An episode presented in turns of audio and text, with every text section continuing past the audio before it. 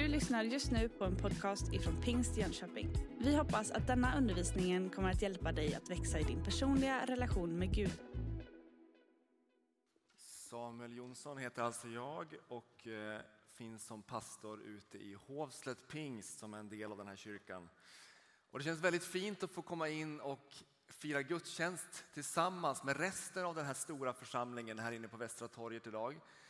Eh, och också få en chans att få tillbe och lovsjunga med en symfoniorkester i ryggraden. Det är inte varje söndag man gör det. Jag satt här och tänkte, kan inte komma ut till oss i Hovslätt någon gång eh, och köra lite symfoni där ute också. Sen så insåg jag väldigt kort efter att tänkt den tanken att om ni kommer ut till oss så kommer ni få de enda som får plats i kyrkosalen. Men jag tänker ändå att ibland får man offra något för att få något annat. Så att kom till oss och spela. Det var fantastiskt att få sjunga tillsammans med en, en sån, liksom, sån ljudmatta. Hörrni, ska vi be en bön och sen så ska jag kliva in i predikan. Vi ber. Heligande, vi vill välkomna dig en gång till. Att tala den här stunden. Tack för det du har sagt genom sång och musik. Tack för det du har sagt i parentation. Tack för det du har sagt i vår lovsång och i vår bön Jesus. Men nu vill vi bara en gång till bjuda in dig, heliga Ande, säg någonting till oss idag. Vi behöver din röst, vi behöver din mat, vi behöver din näring Gud, mer än någonsin. Vi behöver få ditt ord. Vi behöver få äta från dig Jesus. Ge oss den mat vi behöver den här förmiddagen. Om det är någon som är helt ny i den här kyrkan, låt den få mat Gud.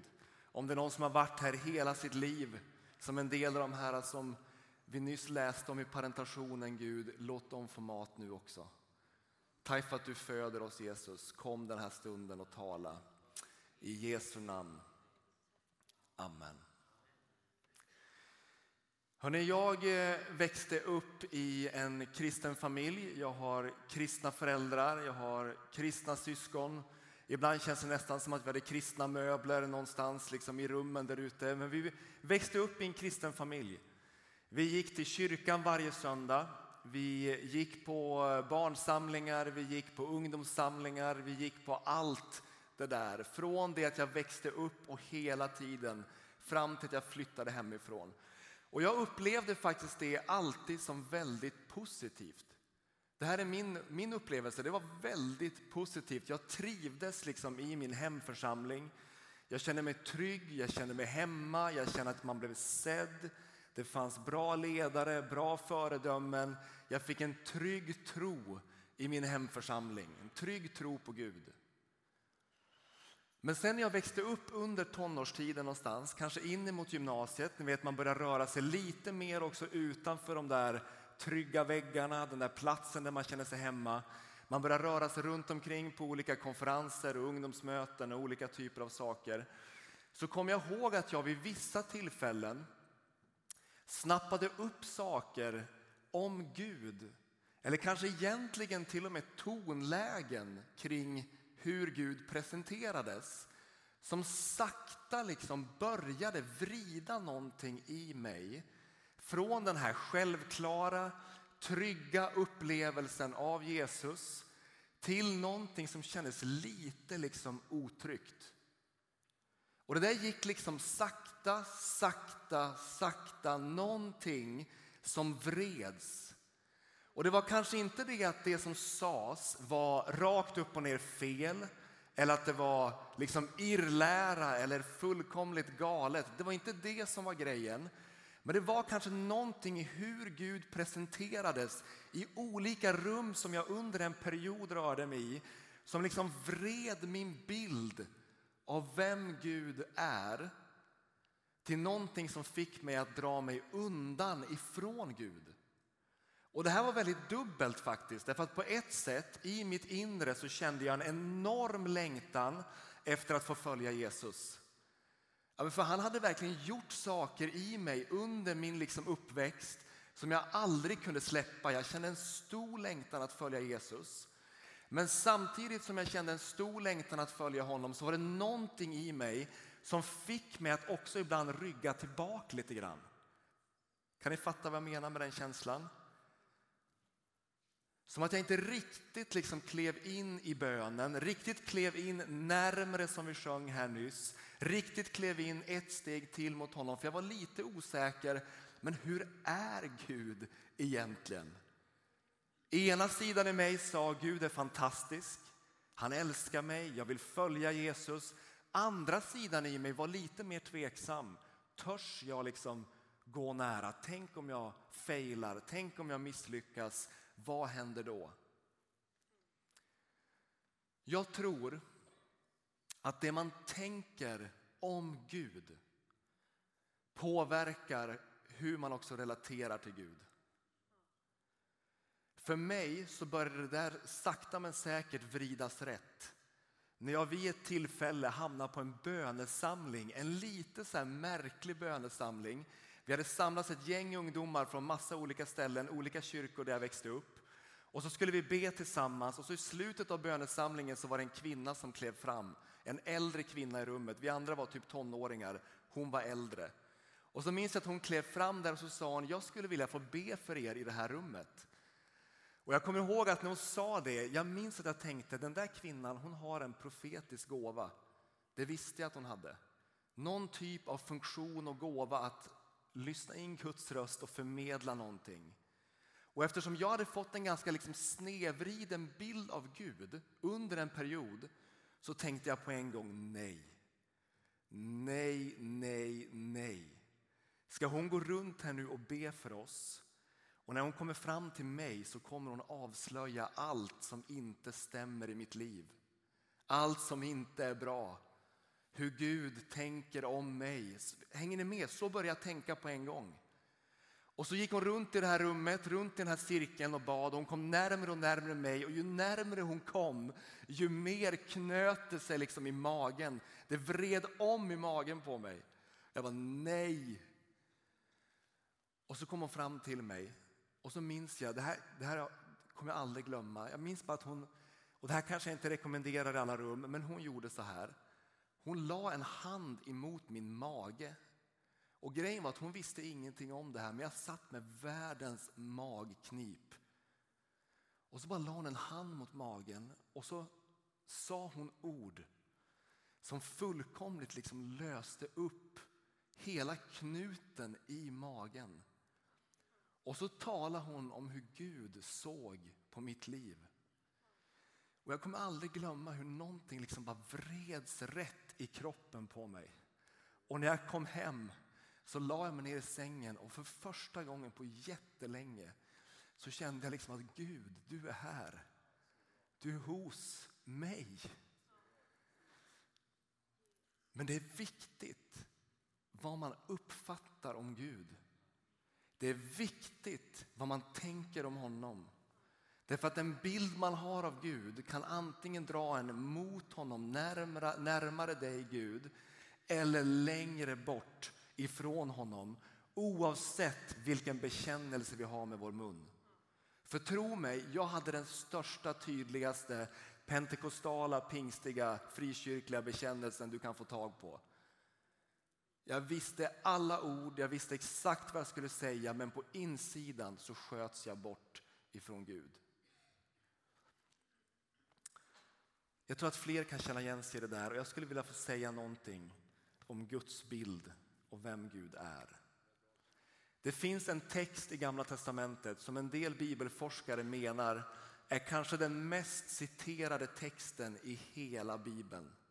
Den är mest citerad, eller mest speglad eller mest återanvänd. Och den kommer ifrån Andra Mosebok kapitel 34 och vers 6 till 8. Andra Mosebok kapitel 34 och vers 6 till 8. Vi läser den här texten tillsammans. Jag tror den kommer upp på väggen där också. Gud möter Mose och Herren gick förbi honom och ropade Herren, Herren är en barmhärtig och nådig Gud. Sen till vrede och rik på kärlek och trofasthet. Han håller fast vid sin kärlek mot tusenden. Han förlåter synd och skuld och brist men lämnar inte den skyldige ostraffad. Utan låter straffet för fädernas skuld drabba barn och barnbarn in till tredje och fjärde led. Mose föll genast ner på knä, böjde sig till jorden och tillbad. Innan jag går in i det jag ska liksom fokusera på så vill jag bara jättekort säga en snabb sak om det vi läste i den här texten där det stod att han låter straffet för fädernas skull drabba barn och barnbarn in till tredje och fjärde led. Det där kan vara ganska svettiga ord att läsa. Vad, vad, vad betyder det där? Jag vill bara kort, jag kommer inte predika om det idag, men ni kan komma till Hovslätt och lyssna på när jag predikar om det om fyra veckor i så fall, eller någon där ute predikar om det om fyra veckor. Men det jag bara kort vill säga, det är att det den där texten säger oss, det är att Gud har en ände, att det finns ett stopp på ondskan i den här världen. Vid någon tidpunkt så kommer han sätta stopp. Tredje och fjärde led, det finns en ände på det som kan få drabba nästa generation och nästa generation och nästa generation. Det man ska göra det är att man ska koppla det som står här in till tredje och fjärde led och jämföra det mot hur han visar sin kärlek mot tusenden. När siffran tusen står i Bibeln så är det nästan alltid en symbol för någonting oändligt. Någonting enormt, någonting evigt. Så när det står om Guds kärlek så står det att den sträcker sig liksom vitt och brett och överallt.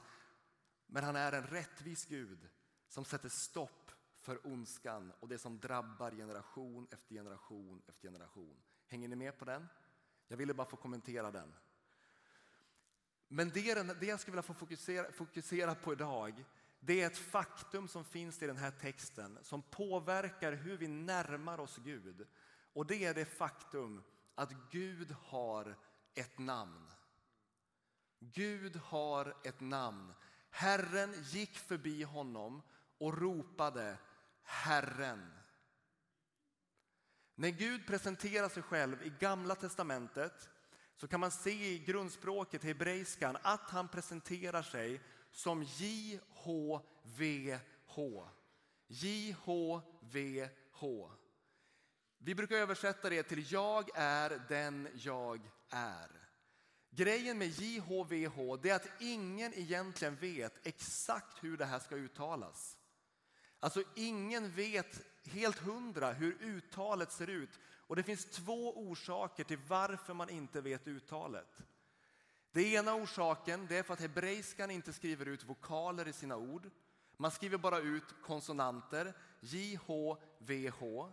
Så därför så försvann det med tiden. Hur ska man säga det här namnet, det här gudsnamnet? Den andra orsaken det är att Israels folk vid ett ganska tidigt skede blev överdrivet rädda för att tala ut Guds namn. Man var rädd för att missbruka Herrens namn. Ett av de tio budorden säger du ska inte missbruka Herrens, din Guds namn. Det där fick folket att tänka vi ska nog inte säga det här alls. Och ni vet ju hur det är, om man inte säger ett visst ord under en period så faller det i glömska. Det är ungefär som där jag är uppvuxen. Jag är uppvuxen uppe i ett litet samhälle ute i den norrländska landsbygden. Och jag minns att det fanns vissa ord ute i byarna runt omkring där jag växte upp. Som om man hörde dem så visste man knappt själv ibland hur man skulle uttala dem eller vad de betydde. Därför att de användes inte längre. Alltså de användes kanske senast med, med naturlighet när min farfar var barn. Men sen fram till att jag växte upp så hade det helt försvunnit. Så när man själv försökte säga det så lät det bara fel och det blev inte rätt och man visste knappt hur det skulle användas. Ungefär samma sak skedde med JHVH. De flesta tror ju man ska uttala det Jahve eller Jehova, men ingen vet hundra. Men när Gud presenterar sig så presenterar han sig med det tilltalsnamnet. Med tiden så började man skriva Herren istället, Adonai. Därför att man helt enkelt inte skrev ut namnet. Herren är ett begrepp som man använde sig av i den tiden för att beskriva någon som står över allting annat. en mästare, någon som är över oss. Och det är helt korrekt att kalla Gud för Herren. Till exempel i Andra Mosebok 34 och det vi nyss har läst. Där står det egentligen JHVH, man har översatt det, skrivit ut Herren i det sammanhanget. Men det är egentligen inte i grunden själva namnet som talas ut. Det är en korrekt beskrivning av Gud. Han är Herren. Men namnet är Javé. Och namn på den här tiden var viktiga. Namn var inte bara en etikett man satte på någonting, klistrade på något. Namn var inte bara något man liksom gav ett barn för att kunna skilja ett barn från ett annat på Ikea när man har liksom tappat bort och ska skrika ut ett namn. Namn var någonting djupare än så. Namn hade att göra med vem man djupast sett var. Det hade att göra med ens gudomliga kallelse, ens gudomliga syfte. Namn bar på en större innebörd. Man kan bara jämföra eller ta ett exempel. Om man tittar på till exempel Abraham och ser hur hans namn först var Abram så inser man att Abram det betyder egentligen upphöjd fader. Upphöjd fader är ett fantastiskt namn. Om mina barn skulle kalla mig för upphöjd fader skulle jag ändå vara rätt så nöjd. Bara, upphöjde fader kan vi få kliva upp nu och se på? Ja, det får ni kära barn. Det skulle vara väldigt, väldigt trivsamt. Men Abraham heter ju upphöjd fader, eller det betyder upphöjd fader. Men när han sen får kallelsen av Gud att lämna sitt land och gå till en plats han inte känner till och bli ett stort folk som ska bli till välsignelse för alla folk. Då får han ett nytt namn. Abraham. Abraham betyder fader för många nationer. Så han går från upphöjd fader till fader för många nationer. Ser ni vad som händer där? Gud kopplar intimt samman namnet med innebörden i hans liv, med meningen med hans liv, med kallelsen över honom, vem han är och vem han ska bli. Namn spelar roll. När Moses sen i andra Mosebok får möta Gud i en brinnande buske och Gud kallar honom och säger åt honom att du ska befria folket i Egypten ut ur slaveriet. Då ställer ju Mose tillbaka frågan, vem är det som har sänt mig? Och han svarar, jag är den jag är. JHVH. Det som händer där, redan vid den där busken, det är att Mose får liksom en inblick i vem Gud är djupast sett. Han dras liksom nära Guds väsen, vem Gud är, hur Gud är, hur han fungerar. Men det är fortfarande bara ett första steg. Det är liksom ett första kliv närmre. Det är egentligen inte förrän lite senare i Andra Mosebok i kapitel 33 där Mose ställer en fråga till Gud eller ber Gud om något särskilt. Han ber honom om att få se hans härlighet. I andra Mosebok kapitel 33 så står det Mose sa låt mig få se din härlighet. Och Herren svarade jag ska låta min höghet och prakt gå förbi dig och jag ska ropa ut namnet Herren inför dig. Och det är precis det där som sker i den där texten vi läste för en stund sedan. I kapitel 34 när Mose befinner sig på det där berget Herren drar förbi och han ropar ut sitt namn. Och han ropar inte bara ut namnet utan han beskriver vad namnet handlar om. Och hur Gud själv är. Och det som sker i den stunden det är att han dras in, Mose får kliva in så nära man bara kan komma Guds eget hjärta genom hans namn. Och den där närheten blir ju genom skrifterna bara tydligare och tydligare. När man kommer in i Nya Testamentet, kommer till Jesus själv, så säger ju Jesus att han är den som har uppenbarat Guds namn för folken. Jesus säger så här i Johannes evangeliet kapitel 17 och vers 6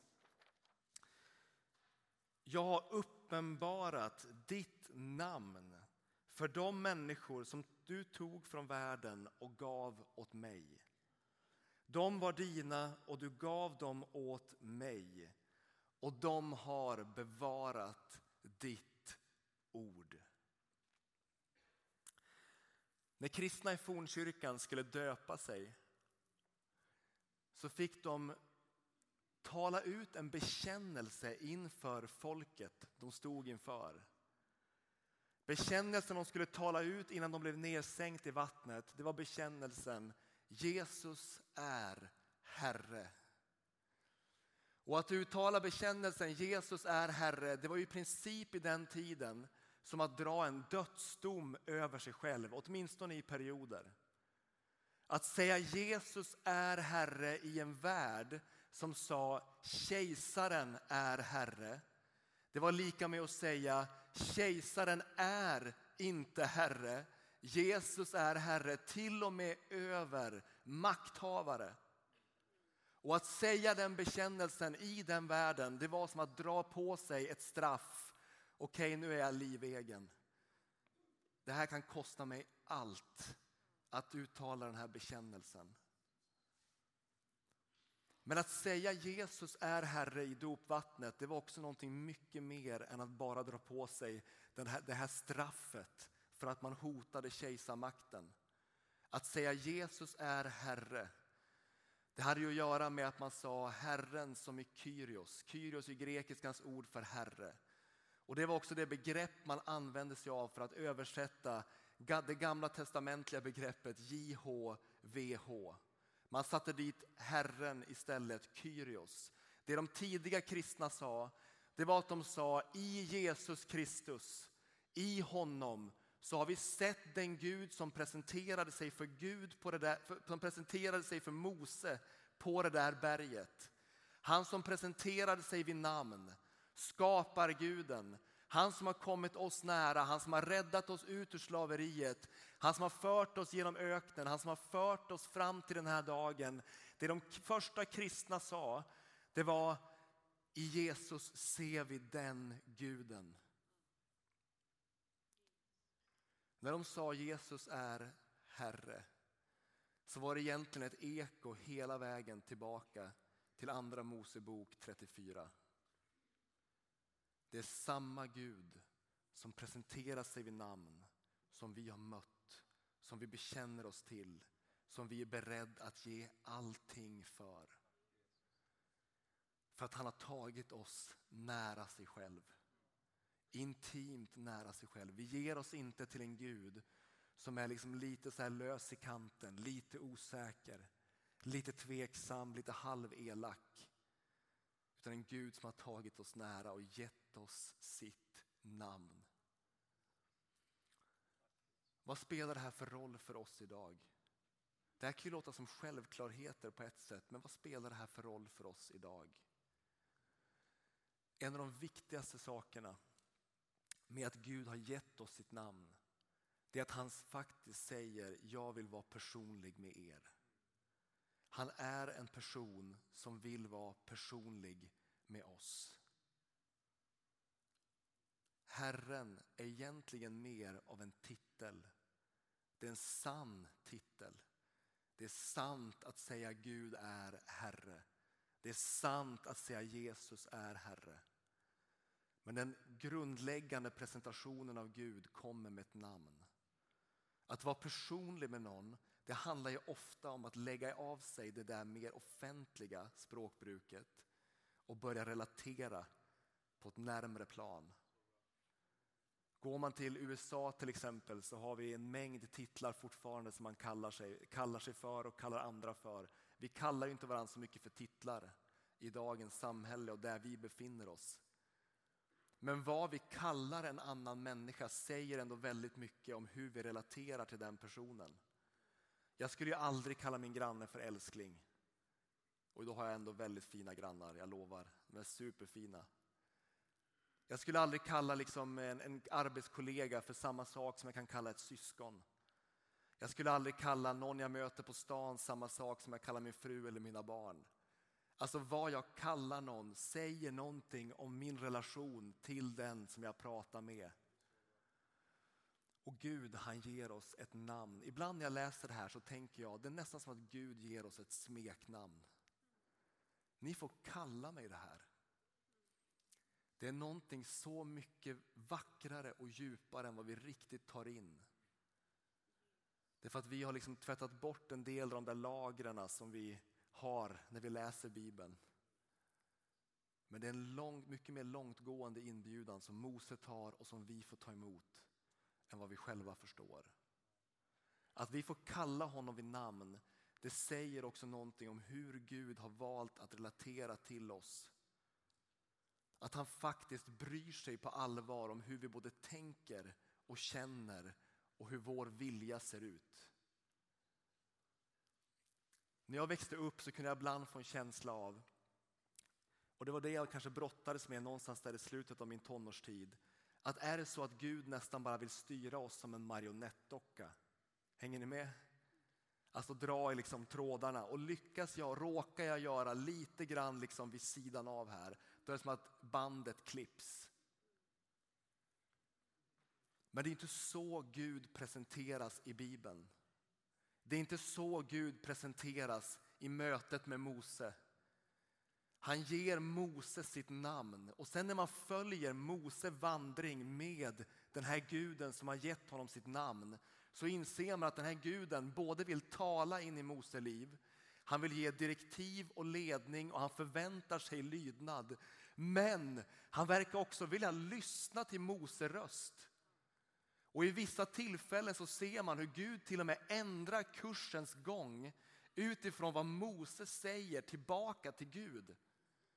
Det är ju helt häpnadsväckande att tänka sig att Gud har den typen av dynamisk relation med oss. Han talar, vi responderar. Vi talar, han responderar.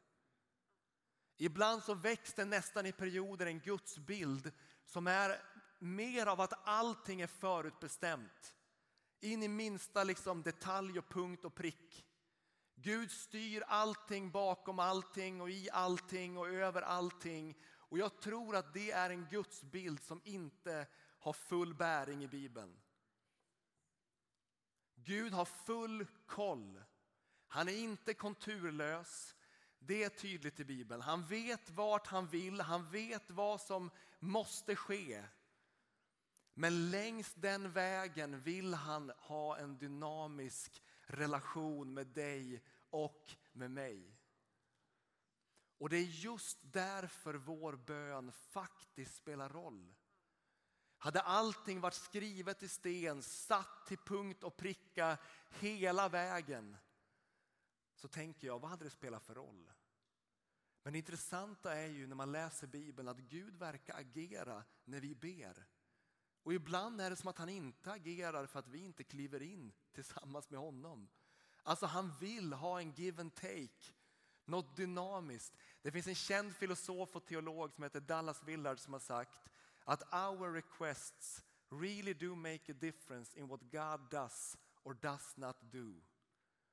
Våra förfrågningar till Gud spelar verkligen roll för vad Gud gör och inte gör. Det betyder inte att han är handlingsförlamad. Det betyder inte att han inte har makt. Tvärtom. Han är full av handlingskraft och han är full av makt. Men den guden som har den makten, som är Herren, han har presenterat sig för oss med ett namn. Han är personlig. Han är dynamisk. Han rör sig tillsammans med oss. Han är inte en långt borta frånvarande, högt över allting Gud som vi knappt kan nå och som vi fort kan tappa kontakten med. Han kliver in nära, nära, nära, närmre än vad du ens kan tänka, ana och tro. Och jag tror att i våra frikyrkliga sammanhang så har vi haft mycket av språket av att vi tror på en personlig Gud. Vi kan säga det, vet, om någon skulle knacka en del av er på axeln, liksom, vem är Gud? Då skulle du kunna säga, ja, men jag har en personlig relation med Gud. Du kan vakna upp liksom mitt i natten, jag har en personlig relation med Gud. Vi har lärt oss det sedan vi var små, små, små. Ändå märker jag hur lätt det är att det skapas en distans mellan oss och honom.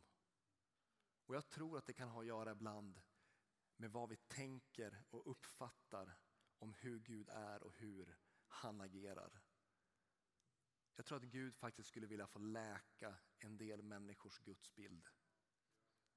Jag tror han skulle vilja få kliva in och vrida några liksom rattar rätt. så här. Därför att det som egentligen kanske har skett på en del människors insida och liv, det är att hur mycket du än säger rätt ord så har det blivit en distans mellan dig och honom. Gud vill dra dig nära. Han vill ge dig sitt namn. Och han vill uttala ditt namn till dig. Du har just lyssnat på en podcast ifrån Pingst Jönköping. För att få reda på mer om vilka vi är och vad som händer i vår kyrka så kan du gå in på pingstjonkoping.se eller följa oss på sociala medier via pingstjkpg.